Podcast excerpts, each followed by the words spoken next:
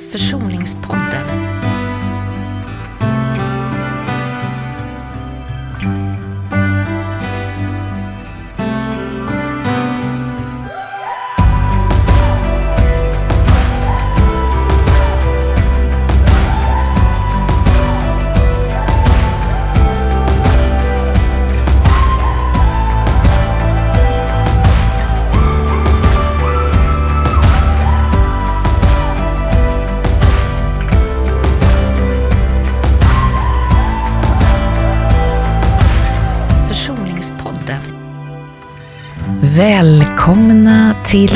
Försoningspodden. Eh, Jag heter Görel Fred och jag är psykoterapeut och familjeterapeut och jag har den här podden om försoning och idag har jag bjudit in Jessica Gunnarsson. Välkommen hit Jessica. Tack så jättemycket. Vem är du? Jag är en snart 40-årig Smålandstös, Ja. eh, boende i Stockholm. Vuxet barn eh, som gav ut en bok här för ungefär lite mer än ett år sedan. Om mina upplevelser av att växa upp med en missbrukande pappa. Just det, och din bok heter Försoning. Och det blev jag väldigt intresserad av och jag har läst din bok och du pratar på olika sätt om hur ett barn försöker eh, stå ut och skydda sig och så småningom är tvungen att hitta ett sätt att förhålla sig till en väldigt kaotisk barndom skulle jag säga. Håller du med om när jag säger att det är en väldigt kaotisk barndom du har varit med?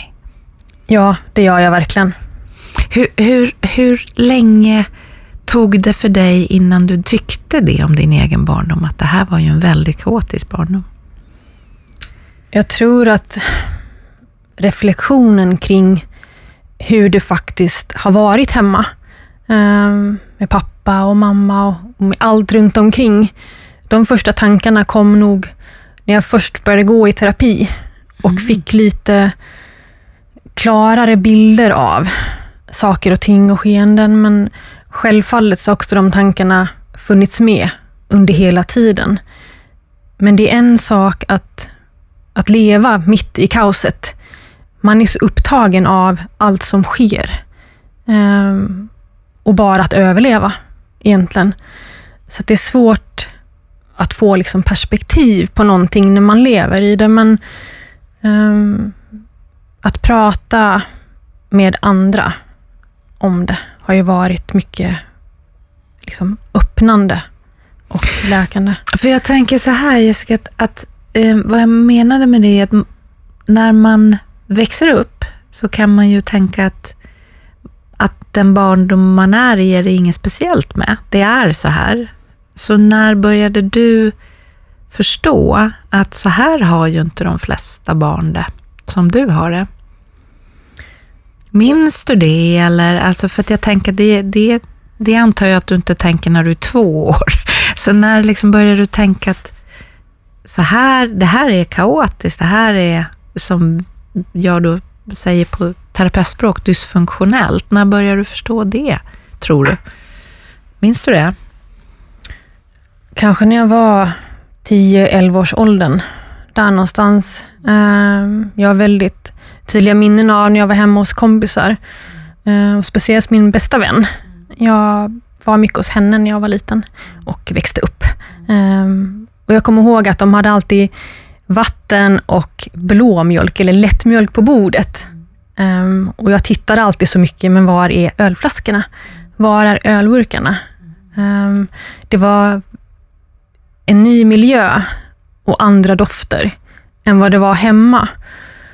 Och Jag kommer ihåg att jag vid något tillfälle frågade henne, men dricker ni inte öl till maten? Och Då tittade hon på mig bara och, men vad menar du nu? Varför skulle vi, eller va? Ehm, och Då var jag runt 10-11, eh, som jag minns det. Och sen vart det också mycket mer stökigt hemma runt den åldern. Min farfar gick bort då. Var din farfar en viktig person för dig? För mig, både för mig men också framförallt för min pappa tror jag. Okej. Och då, så pappa började dricka mycket mer när farfar gick bort. Så jag tror att den kontrasten av att det blev mycket mer stökigt hemma och att jag upplevde att pappa inte mådde bra. I kontrast till att vara hos vänner och vara med om andra liksom, möten med familjen och, Mm. och så. Mm. Tror, du att det är, tror du att det är så att man, när man är, vad ska man säga, förskolebarn och så, att det är svårt att förstå att man är med om någonting som andra inte är med om? Att det kommer lite senare i mellanstadiet eller så? Tänker du så? Jag tror ju att många, många barn som växer upp med en missbrukande mamma eller pappa eller mamma eller pappa som mår psykiskt dåligt. Ehm, det tar sig ofta kroppsliga uttryck, tror jag, innan man själv kanske rent kognitivt förstår vad det är man är med om och vad man lever i. Så att jag tror att min, min stress, min oro, min ängslan för de känslorna var otroligt starka när jag var liten. Jag var väldigt Ehm, jag sökte mycket uppmärksamhet och bekräftelse. Um, hos, Hur, hur gjorde du det? jag var ganska kramig tror jag som barn. Alltså, Mm. Jag har alltid haft goda vänner och så, men jag tror att ehm, jag var ganska klängig ehm, och sökte nog någon närhet som jag kände att jag inte fick hemma. Ehm, och det tillsammans med det, hade alltid liksom ont i magen och gick till doktorn jämt. Och det, var så, det var så tydligt att det var något, nu i efterhand kan jag känna att det var något tydligt, att det var något som inte var bra med mig. Och varför har ett, ett barn, ett litet barn så ont i magen? Det, Mm. det fanns ju inga re- rent liksom medicinska orsaker, men men var det, liksom, var, det, var det någon under den här tiden, när du mådde så här, som försökte prata med dig om själen, så att säga? Eller var det mer att man koncentrerade sig på din mage kroppsligt, dina kroppsliga symptom? just för den här tiden så har jag inga tydliga minnen av att det var någon som frågade eh, direkt hur det var. Jo, alltså läkaren som jag var hos, Dr. Novak, som tittade på min mage, jag kommer aldrig glömma hans namn, Dr. Novak. Han var så snäll. Ehm, jag tyckte det var jättejobbigt när han frågade hur, han frågade hur är det här? Och då visste jag inte vad jag skulle säga egentligen. Jag mådde ju inte bra, men jag kunde inte säga riktigt varför heller. Jag kunde nog inte sätta riktigt ord på det, tror jag. Men du, Eh. tror du att det också som, finns det med som barn, även om ingen har sagt det rent ut, alltså för dig som barn, att du får inte berätta? Du ska inte berätta, eller? Ja, ja men verkligen. Och det, det är någonting som jag har fått höra egentligen under hela min uppväxt. Ehm, och jag, min mamma... Att, att du inte ska berätta? Ja, att, och att allt är bra framför allt. Och Men, jag, men har du fått så här uttala så här, Jessica, du får absolut inte berätta hur vi har det hemma? Eller var det någonting som du kände mellan raderna? uttalat, kanske inte direkt med orden du får inte berätta, Ehm, mer med orden vi pratar inte om det här. Detta pratar vi inte om. Så. Vad är detta då? då? Vad Det- är? Ja, detta, detta är ju det här, detta med pappa, Mm. ehm, detta med alla bråken, Mm. ehm, detta med slagen, detta med hoten, ehm, detta med alkoholen. Det, det uttalades att det säger man inte. Mm. Nu frågar jag dig, nu är ju du en sedan länge vuxen kvinna, men har du någon känsla av vad du trodde skulle hända ifall du berättade? För du, du beskriver ju att du lever i ett, ett väldigt eh, stark kaos och mycket konflikter och mycket bråk. Så du hade det ju eländigt. Är det, är det rätt att säga så? Ja, absolut. Hade du, och jag ska komma till den frågan sen, om du också tycker att du hade det bra, men alltså du hade det eländigt, så att vad är det som du tänker kan bli ännu mer eländigt om du berättar? Skammen. Det är så svårt att med ord uttrycka hur mycket skam man känner när man bor med någon som dricker. Det är så... Det känns liksom i hela kroppen. Eh, och man vill, det är ingen som får veta. Det är alltid det den här tystna överenskommelsen om att det som händer innanför vårt hus fyra väggar, det pratar vi inte om. Och även om det inte alltid sägs rakt ut, så vet man det. Man fostras in i någon slags tyst överenskommelse av att det är så här vi har det och det här är vår normala familj. Och man ifrågasätter inte det som händer heller, för man vågar inte riktigt. Jag vågar inte riktigt. När jag blev äldre så, så ville jag att mamma skulle skilja sig och jag vet att jag, jag bad henne så många gånger, snälla, kan du inte lämna pappa? Det kommer bli bättre. Jag lovar, jag ska sköta mig och då kommer också det här med, med ansvaret, att man vill så gärna hjälpa till. Jag ville hjälpa min mamma. Jag ville stötta min mamma och, och min syster. Och... Från, när, från när kom... För jag, jag, måste bara fråga dig igen, så att, så att jag förstår. Alltså du säger skammen och så, men, mm. men du lever ju i du lever ju i en ständig rädsla och en ständig ont i magen och en ständig, säger jag rätt nu? Mm. Ja, och då frågar jag igen, alltså inte för att jag tycker det är något konstigt på ett sätt det du säger, det är inte det, utan mer för att förklara igen. Vad är det som kan bli värre? Du säger skammen, men vad är det i skammen som är värre än att ha det som du har det? Att alla får veta hur man har det. Och vad händer då, då om alla får veta hur man har det? Tänk, då tänker inte du som barn, om alla får veta hur jag har det så kommer någon komma och hjälpa mig. Utan om alla får veta hur jag har det så... Kommer alla tycka illa om mig eller kommer se på mig på ett annat sätt? Kanske man... Så, så, så du tänker, liksom inte... va, bara så att du är med mig här, mm. på vad sätt skulle människor tycka illa om dig för att du har föräldrar som är, i mitt sätt att se, så pass förtvivlade att de blir mm. så här destruktiva. Köper du att jag beskriver det så? Mm. Ja, men det gör jag. Och det, det, är så, det finns så mycket dualiteter, eller så att känslorna är tveeggade på så många sätt, upplever jag. Samtidigt som man är i den här skammen och rädslan av att någon ska komma på att vi är en familj som inte är som alla andra. Samtidigt så självklart så, så vill jag inget annat än att komma bort ifrån det kaos och det helvete som det faktiskt var. Så att det finns en... Det är liksom både och. Uh, Både att man vill och inte vill. Precis. Men, men den här, för jag tror att det kan vara fler som lyssnar som känner igen mm. sig i dig, så det är därför jag undrar, eh, du som barn tänker så här, om människor får veta, då kommer de tycka illa om mig. Oh. Då kommer de se ner på mig.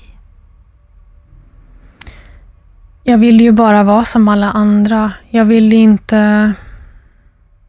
Jag vill egentligen inte synas, inte höras. Och tanken att det skulle komma någon och och liksom ta mig och min syster därifrån. Det ville jag. Det var jättestarkt. Samtidigt så var jag så rädd för vad som skulle hända och också där att jag visste ju inget annat. Det här var ju min, liksom min mamma och min pappa. Vad skulle hända om jag inte var där? Det visste jag ju inte heller. Jag visste ju inte vad jag skulle ta vägen. Så det var så många andra liksom, känslor kopplade till det. En, en eh. osäkerhet och ja. en känsla av att det skulle kunna att du skulle kunna anklagas på något sätt. För den mm. är ju mm. väldigt tung, det du säger. Att som mm. barn kan man känna att det är du som ska anklagas, när det är dina föräldrar som inte, så att säga, fixar sitt föräldraskap. För så antar jag att du är med mig när jag säger, de har inte mm. fixat att skydda dig och din syster. Ja, verkligen. Ehm, det är så djupt bottnat det här, tror jag. Och jag tänker också skammen och skulden som de i botten måste känna. Ehm, jag tror ingen förälder önskar det här för sina barn. Jag tror verkligen inte det. Och de har gjort så bra de har kunnat. De har verkligen gjort det de har kunnat, men det har inte varit bra. Ehm. Um, Vad, vad tror du är som... För, för jag har ju pratat i andra avsnitt i den här podden om att jag tänker att det faktiskt går att förena tankarna om att man kan vara älskad men man kom till föräldrar som inte förmådde. Och sen så säger jag ju att det betyder inte att man måste tycka att någonting är okej. Okay. Mm. Alltså, men håller du med om den tanken? Att du kan tänka att du var älskad av föräldrar som inte förmådde? Eller vill du inte tänka så? Det är jättesvårt att jag vill tänka så. Mm. Um, I hjärtat så vill jag verkligen tänka så, men det är också jättesvårt att sätta orden och sätta orden på det och försöka liksom känslomässigt förstå att det måste varit så. Att pappa och mamma verkligen, mamma känner jag ju att hon älskar mig och allt har gjort. Uh, men med pappa vi har ju aldrig haft tiden innan han började dricka så mycket. Vi har ju inte haft liksom, tiden att bygga en relation på, grundad på kärlek som jag verkligen känner det. Och därför är det så svårt för mig att, att gå in i tanken och föreställningen att pappa älskar mig och har älskat mig förbehållslöst liksom alltid. Eh, när jag, det enda jag har känt ifrån min pappa är ju hans beteende utifrån hans alkoholism. Det här är ju en tanke som jag driver ganska mm. starkt och då mm. tycker jag att det är spännande att prata med dig om. Inte för att mm. du ska hålla med mig utan reflektera över den. Um, därför att jag tänker ju så här att um, det, det, är ju inte något förpliktigande som barn i det. Alltså om man har en förälder som älskar en så är det ju inte så att man måste älska tillbaka. Är du med? Alltså det, det handlar ju överhuvudtaget inte om det, för kärlek tänker i alla fall jag är någon slags handling. Om du skulle beskriva vad föräldrakärlek är, vad är det? Föräldrakärlek är för mig att, att finnas där. Att lyssna. Att vägleda. Att stötta och liksom ge, ge närhet, både emotionellt men även fysiskt. Att vara nära, att vara mycket med tid, att ge tid till sina barn och, och se dem och jag tänker också bekräfta deras berättelser. Och jag tror att det kanske här också som det ligger lite, eller ganska mycket öppna sår eller... Att inte ha fått sin berättelse bekräftad. Jag tror det. För om, om, om du är med mig på att jag menar, det förpliktigar inte att tänka att man var älskad när man inte har fått någonting av det där. Man måste inte älska tillbaka. Det, man måste inte stryka något streck över det som har varit. Men jag undrar om jag har rätt i det, att din pappa älskade dig fast du aldrig har känt det och inte behöver vara förpliktigad eller inte gå nära honom eller om du går med på det så måste du tänka något annat. Det är förutsättningen här. Då. Skulle det betyda någonting för dig om du ändå tänkte, jag tror han älskade mig på det sättet han förmådde älska och jag märkte aldrig av det. Betyder det någonting för dig att tänka så? Absolut alla barn vill känna sig älskade av sina föräldrar. Mm. Men, men även om du aldrig har känt det menar mm. jag, du kan ju inte känna det, du kan inte gå tillbaks till att, till att vara det där barnet som känner det. Du kommer aldrig känna det. För du kommer aldrig få det där ju. Och du, för nu pratar jag också till lilla Jessica, hon kommer mm. aldrig få det. Så undrar jag ändå, eftersom jag har den starka tanken och så pratar jag liksom med dig som har varit med om det, är det bara en tankekonstruktion eller tror du att det betyder någonting? Om du skulle tänka, jag har aldrig känt det, jag kommer aldrig känna det, men jag tror han älskar mig. Jag tror det betyder någonting. Vad betyder det i så fall? Det betyder att, att jag, jag har haft ett värde. Det har varit en mening med att jag har funnits till. Jag har inte bara varit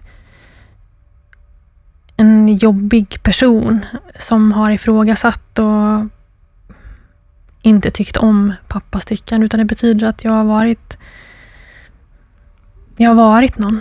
Jag tror att det är det det betyder. För, för min, min tanke med det där är ju att, eh, att det finns ju en... Människor kan blanda ihop det på så sätt att man tänker precis som du säger att jag är inte älskad och därför är jag inte älskvärd och därför kan inte andra älska mig. Mm. Och därför har jag fått för mig att den tankekonstruktionen kan vara, det handlade aldrig om mig. Mm. Det handlade inte om att jag inte var en älskvärd person. Det handlade om att jag föddes av en totalt inkompetent när det gäller föräldraskap förälder. Som jag får vara arg på, ledsen på, hata och allting. För du har ju skrivit en väldigt, i din bok så finns det ju en väldigt, eh, alltså stark tycker jag, dikt. Eh, eh, som jag ska försöka få fram här. Där har skrivit så här. Jag hatar dig för ditt jävla beroende. Jag hatar dig för ditt ständiga tiggeri, sökande efter bekräftelse. Jag hatar dig för att du säljer både dig själv och oss andra till spriten. Jag hatar dig för att du inte står upp för dig själv utan bedövar dina känslor med mest av allt. Men mest av allt hatar jag dig för skammen, ångesten och alla förödmjukelser som nu är inristade i min själ. Det är starkt. Mm. Ja, Vad känner du när jag läser din dikt? jag känner lite som jag kände då. Orden har en otroligt helande kraft. Alltid haft för mig. Orden har oändliga möjligheter att ta oss framåt. De har hjälpt mig att läka, att fortsätta läka. Orden hjälper mig också att gå tillbaka och fundera över och reflektera saker och ting som de var och hur det kändes. Och jag kan känna, jag vill nästan lägga min hand, jag lägger min hand på bröstet nu för jag känner så mycket för den lilla Jessica. Ja. Så känner jag. Ja. Det berör mig faktiskt också. Mm. Allt hon har gått igenom. Ja. Och när jag ställer de här frågorna så finns det inte ett uns av att du ska på något sätt, eh, vad heter det, mm, schyssta till din berättelse kring pappa. Det är väldigt viktigt, men jag tycker att det är också viktigt att fortsätta fråga. Alltså det är, det förstår ju du, i min värld helt, helt upp till varje barn att känna att man hatar för det man har blivit utsatt för. Men det jag undrar ändå är, fanns det andra känslor för din pappa någon gång? Eller var det så att det var hatet som var det allt överskuggande? Jag känner väldigt mycket skam för pappa också. Jag kände skam för att pappa var på stan och vinglade. Eh, med ölpåsen i ena handen och balansen i den andra. Jag kände skam över att han satt på stans Kina-restaurang och drack istället för att komma hem till oss på julafton. Sedan kunde jag också vid få tillfällen se att det fanns vad jag tror är en sårbarhet hos min pappa. Och jag, jag tror också i grund och botten att min pappa och jag är faktiskt ganska lika. På vad sätt då? Jag tror att pappa också är en väldigt känslo, liksom känslomänniska. Um, och jag minns när vår katt Selma dog. Pappa älskar djur, har alltid älskat djur och när hon gick bort och vi, vi kom hem med henne från veterinären och han bar henne i den här rutiga filten och grävde en grop under körsbärsträdet och jag såg honom gråta. Då fick jag se min pappa.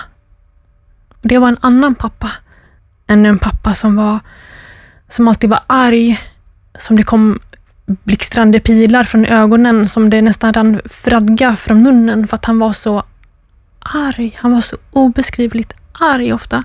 Och du trodde att det var dig han var arg på? Ja, jag var jätterädd för min pappa. Och då undrar jag så här, alltså kan du, har någonting i livet gjort att du, alltså har du kunnat ta in överhuvudtaget att ingenting av det här hade med dig att göra? Ja, idag, snart 40 år fyllda, så förstår jag det.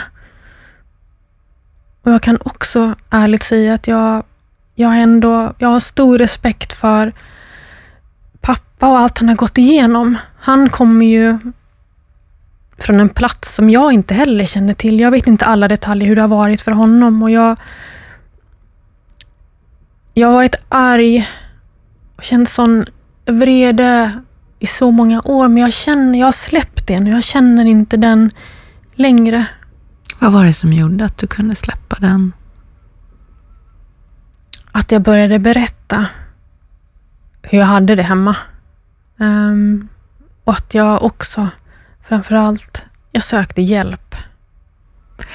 Var var punkten när du... Ehm, för du sa att när du var liten, mm. då berättade du inte för du tänkte att då skulle människor tycka att, inte tycka om dig, sa mm. du. Eller man skulle mm. liksom, det var det som var skammen, man skulle se ner på dig.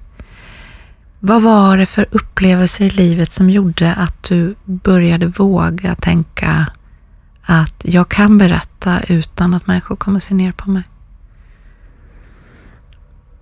Jag har en jättestark eh, starkt minne. Det var i högstadiet. Jag mådde väldigt, väldigt dåligt.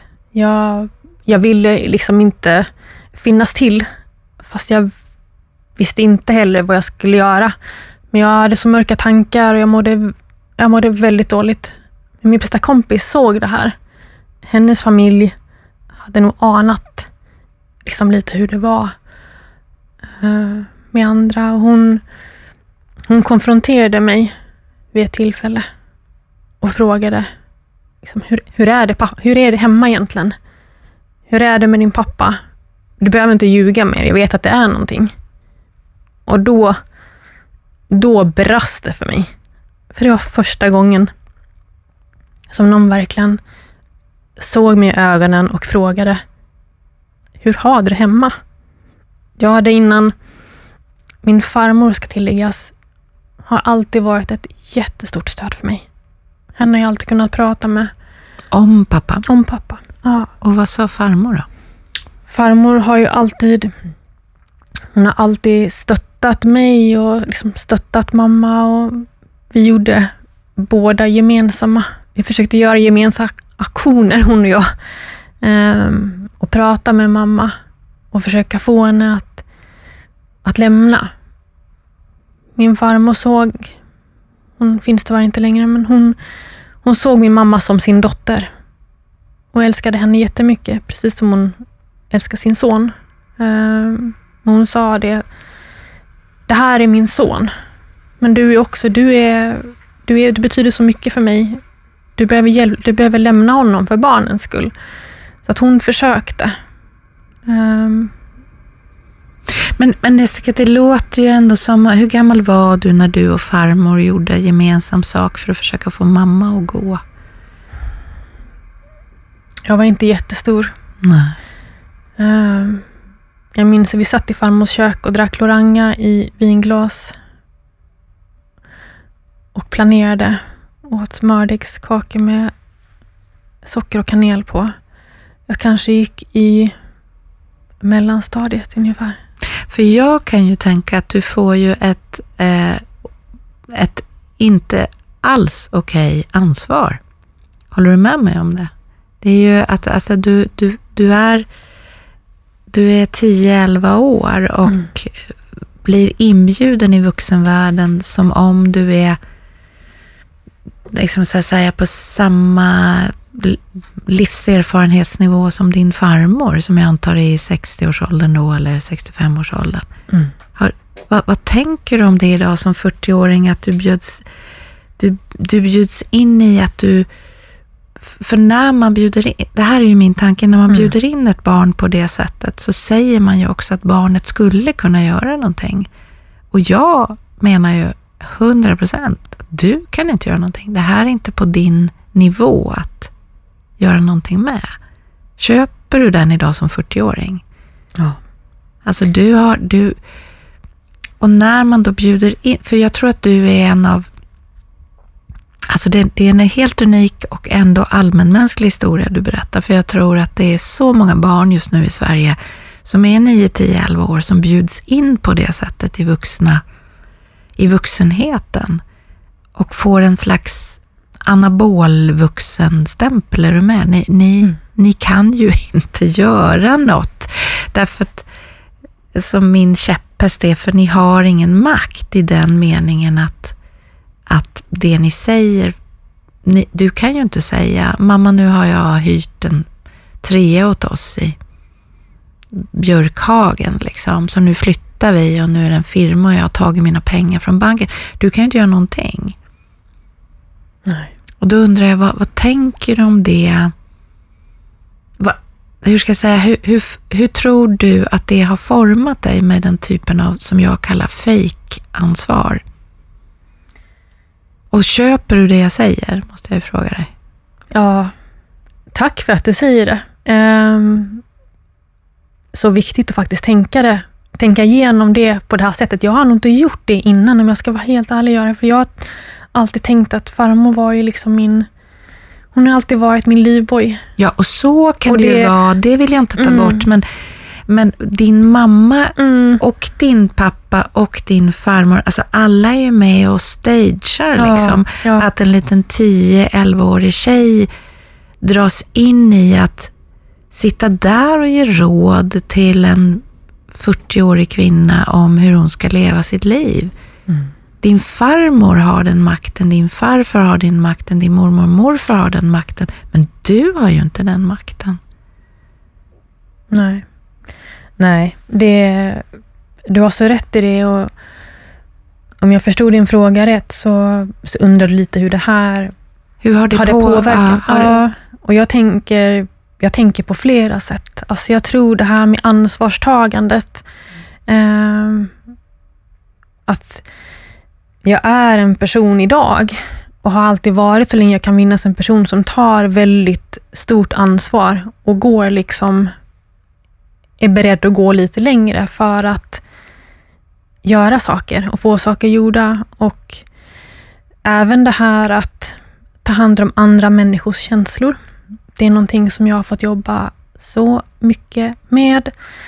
Att inte gå in i andra människors känslor och problem. För mig har det ju alltid varit en slags trygghet. Det är mm. ju det jag har känt till. Mm. Och det är lite det som jag kanske känner att men jag är bra på. Jag är, jag är trygg i det här och jag vet hur jag kan få andra må bra och stötta. Och, och jag tänker så här, Jessica, jag tycker det är en kanonegenskap att ha med sig i livet. Det som gör det farligt, det är ju när man går in och tar ansvar för det som man inte kan fixa. Det är ju när man tar på sig ansvar även i vuxen ålder för människors känslor eller människors... Alltså helt enkelt när, när andra människor lägger ett ansvar i mitt knä som de borde ta. Det är ju en sötma också att som 9, 10, 11-åring bjudas in i köket och få vara med i den här typen av vuxensamtal. För det är ju som om jag är större än vad jag är, har mer makt än vad jag har. Och jag tror att det här du beskriver nu, det är så vanligt för alla barn som lever i kaotiska familjer. Och också på något sätt att det vet jag inte om du håller med mig om, men jag kan också föreställa mig att det blir en skuld, va? för man klarar det ju inte. Kan, vad tänker du när jag säger så? Ja, verkligen. Det blir ju som betong, betongklumpar som nästan hänger från axlarna, från mm. benen, från mm. fötterna. För att man kan inte lösa alla andra människors problem och grubblerier. Och, Nej, inte om inte de tar ansvar för det. Nej, nej men verkligen. Och det, alltså, det är också en flykt, tänker jag. Alltså ja. jag för vem? För dem för eller för mig, dig? Alltså för mig. Jag, jag har alltid varit bäst på att hålla hemligheter. Alltså om jag får dra den parallellen, för jag tänker att den kanske ligger ändå lite bredvid. Och jag, jag har ju alltid varit den här snälla, duktiga, så kallade tapetblomman, mm. tror jag mm. man kallar det. Mm. Uh, som alltid har liksom varit duktig i skolan, haft vänner, dels ren överlevnad, tänker jag, men också sätt att skydda sig från världens insyn. Och det här att hålla hemligheter. Jag kan ju känna nu i efterhand, liksom den största anledningen till att jag så gärna ville ta, ta emot och hålla och vårda andra personers hemligheter, för det gjorde jag. Det var ju för att då hade jag ju all möjlighet att dölja min egen, den största hemligheten av alla. Mm. Då kunde jag lägga den men, men det är ju också en kompetens, så det är ju inte så jag menar. Det är bara det att jag tror att man med en sån här bakgrund som du har behöver sortera i, alltså vad är vad är det som får mig att flyga? För jag känner mig kompetent och duktig. Det är inget fel att göra det. Och jag har blivit en jättebra lyssnare och allt och folk tycker jag är klok. Och att inte få fler betongklumpar därför att människor lägger i knät det som jag inte kan göra någonting åt överhuvudtaget. För jag har ingen makt. Därför de gör inte som jag säger eller de tar inte mina råd. Eller är ni med? Är du med? Jag är med. Jag är med. Alltså det här typ liksom, det var bra att prata med dig men ingenting hjälper liksom. Alltså varför ska man ha sådana samtal? Och den frustrationen, den frustrationen som det leder till ja, när man ger människor råd precis. och råd och de inte lyssnar. Just det, och då kanske det är bättre att tacka nej. Liksom. Men ja. om man eh, om man är en människa som är skolad på det sättet att man som 9, 10, 11-åring går i team med farmor. Mm. Och jag, hon låter verkligen som en jättestöttande person, så det är inte det jag säger. Men man går i team med mm. farmor för att rå på mamma. Då har man ju fått en ganska vriden bild av sin barn, sin barnmakt, mm. tänker jag, tidigt. Men du, eh, det är fantastiskt eh, spännande och intressant att prata med dig, men det börjar lite lida här nu mot sitt slut, Jessica, så att jag skulle vilja prata med dig om några saker till. Det jag skulle vilja prata om, eh, vad tror du, om din mamma och pappa skulle ha hört vad du säger nu, vad tror du att de skulle, skulle de hålla med om din bild av din barndom? Jättesvårt att säga. Um, jag, vet, jag vet inte om jag vågar, vågar säga svar, om jag vågar svara ja uh, på det, för jag tror att alla har ju liksom sin bild av hur det har varit och som jag skrivit i min bok också. Det här är ju det här är mina upplevelser och min liksom, koppling till hur allt har varit. Och jag, jag tror att de kanske skulle kunna hålla med om vissa saker. Det tror jag. Men sedan tror jag också att både mamma och pappa, de, de har lite fullt upp med sig själva. Eh, mina föräldrar lever ihop idag. Uh, och du sa att idag är din pappa nykter? Mm, vad jag vet. Jag hoppas att han är det. Uh, hur, länge sedan, hur länge sedan är det du har träffat honom? Oj. Ja, det måste vara tio år sedan, mm. minst, mm. som jag träffade honom uh, face to face. Um, För du drog en gräns, det räcker nu? Jag drog en gräns. Ja, pappa tog kontakt med mig och... Uh, och ville vad? Be om ursäkt eller? Ja, han gick ett tolvstegsprogram mm. då mm. och ringde upp och ville be om ursäkt för allt han hade gjort.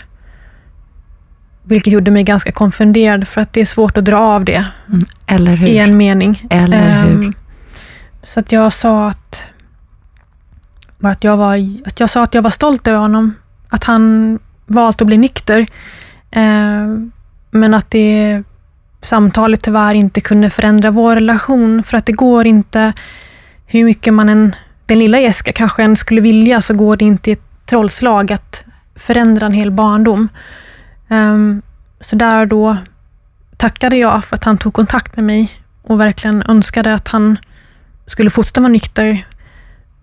Men jag också satte punkt för vår relation. Jag valde att bryta med honom. Jag, tycker, jag blir väldigt berörd när du säger det här, alltså för att jag tycker också att det är så viktigt det du säger, att eh, det är inte alls säkert att man ställer upp för sig själv bäst om man säger att man förlåter. Så. Eh, och det finns ju en sån idé om att det är då vi blir fria och jag är inte säker på det. Alltså, ibland är det så och så blir det också så fint när du kan säga att du är stolt över att han försöker, att han går vidare med sitt liv. Men du behöver hitta ett sätt att leva i ditt liv och dina känslor. Och han blir för mycket en energitjuv om jag förstår det. För du har ju en annan jättefin eh, dikt i din bok, tycker jag, som du har benämnt som skavsår, som jag tänkte att jag skulle läsa också. Jag kan tänka på det ofta, till och med jaga dig ibland, erkänner det nu, men det är kanske inte så konstigt. Du är mitt livs historia, min själs ömmande skavsår. Är han det idag, din pappa, din själs ömmande skavsår? Och din mamma som ju har valt att fortsätta leva med honom och, och aldrig stod upp för er berättelse på det sättet att hon Mm. bröt. Det kanske finns andra sätt att stå upp för den, men jag uppfattar att du inte riktigt tycker det, att hon har gjort det. Så är dina föräldrar ditt livs ömmande skavsår än idag som 40-åring? Jag tror jag har kommit väldigt långt vad gäller försoning med pappa. Ehm, jag kommer aldrig kunna förlåta Nej. det som har varit, men jag har försonats med det som har varit. Vad, vad betyder det för dig att du har försonats med det som har varit? Försonas betyder att släppa taget, Mm. eh, att ge mig själv upprättelse. Det var inte ditt fel? Det så? var inte mitt fel att, att börja läka. Genom att det var inte ditt fel, eller vad Ja. är det som gör att du börjar lä- läka? Börja läka genom att sluta kriga, tror jag också. Sluta kämpa för en barndom som inte blev. Sluta kämpa för att rätta till någon, någonting som har varit för länge sedan. Um, sluta kämpa för att släppa skam, skuldkänslor. Och, och vad är det som gör att man kan släppa skam och skuldkänslor? Är punkten det var inte mitt fel, det var inte mitt ansvar, eller vad skulle du säga är punkten för att släppa? Dels, absolut, dels det var inte mitt ansvar, men också det här, jag är mig själv nu. Jag är inte en person genom pappa. Alltså jag tänker på det här med andra fokus. När man lever med någon som mår psykiskt dåligt eller missbrukar så bygger man upp, som upplever hela sin existens runt den människans känslor och mående och man gör allting för att möjliggöra den personens värld på sätt och vis. Och jag tror, på ett personligt plan för mig har försoning handlat mycket om dels att liksom släppa det här att vara beroende av en annan. Men också att, att våga, våga släppa fram känslorna, möta alla sina känslor som man inte har vågat släppa fram. Och också titta inåt. Vem är jag själv? För att det handlar, tror jag också väldigt mycket om att liksom, vem, vem är jag? Och liksom bygga upp sig själv på något vis. Vem är jag om jag inte är mitt hjärtas skavsår? Vem är jag inte om det inte är trubbel, grubbel som hela tiden tar mina tankar. Vem är du om du inte mår dåligt, så att säga? Vem är jag om jag inte mår dåligt? Precis, det är en jättebra fråga. ja, men jag- för att jag, jag måste bara säga en sak till. Alltså jag tänker vad du säger är ju att ehm, så här tänker jag, så att säga, som barn när man tilldelas den här anabolvuxen eh, kraften Mm. som ju är falsk, tänker jag, ehm, så kan man ju också, eh, det finns ju också en sorg i att, att man inte kan hjälpa till, Mm. eller hur? Att Mm. man inte kan man måste släppa. Man måste släppa och det betyder också att man aldrig kunde fixa det. Mm. Och det tror jag är en jättestor sorg. Även om det inte var för mig att fixa. Mm. Så där tänker jag, om, om du är med mig på det, att där ligger försoningen. Mm. Nej, jag kunde inte. Mm. Det här jag har kämpat, för du har ju investerat väldigt mycket Mm. tid i och den, det är ju väldigt sorgligt att den tiden var bortkastad om du förstår vad jag menar. Ja. Att du kunde aldrig, du kunde aldrig, inte för att det är Nej. något fel på dig, utan Mm. för att det var fel på uppdraget. Mm. Jessica, är det någonting mer som du hade önskat att jag hade frågat dig som jag har glömt eller som du vill lägga till? Nej, jag är jättetacksam för att jag fick komma hit idag och hjälpa till och belysa det här ämnet eh, som är så himla viktigt, som drabbar så många. Eh, och till dig som lyssnar skulle jag bara vilja från mitt hjärta verkligen säga våga prata. Bryt tystnaden och be om hjälp. Tusen tack Jessica Gunnarsson för att du ville komma till Försoningspodden. Tack så jättemycket för att jag fick komma. Du har lyssnat på Försoningspodden. Minns att ordet försoning betyder att lägga ner en strid. Inte för att det man stred för var det något fel på, men för att man inte kommer vinna. Producent för den här podden är Erik Zettervall och om du har några frågor eller funderingar så välkommen att mejla dem till försoningspodden gmail.com.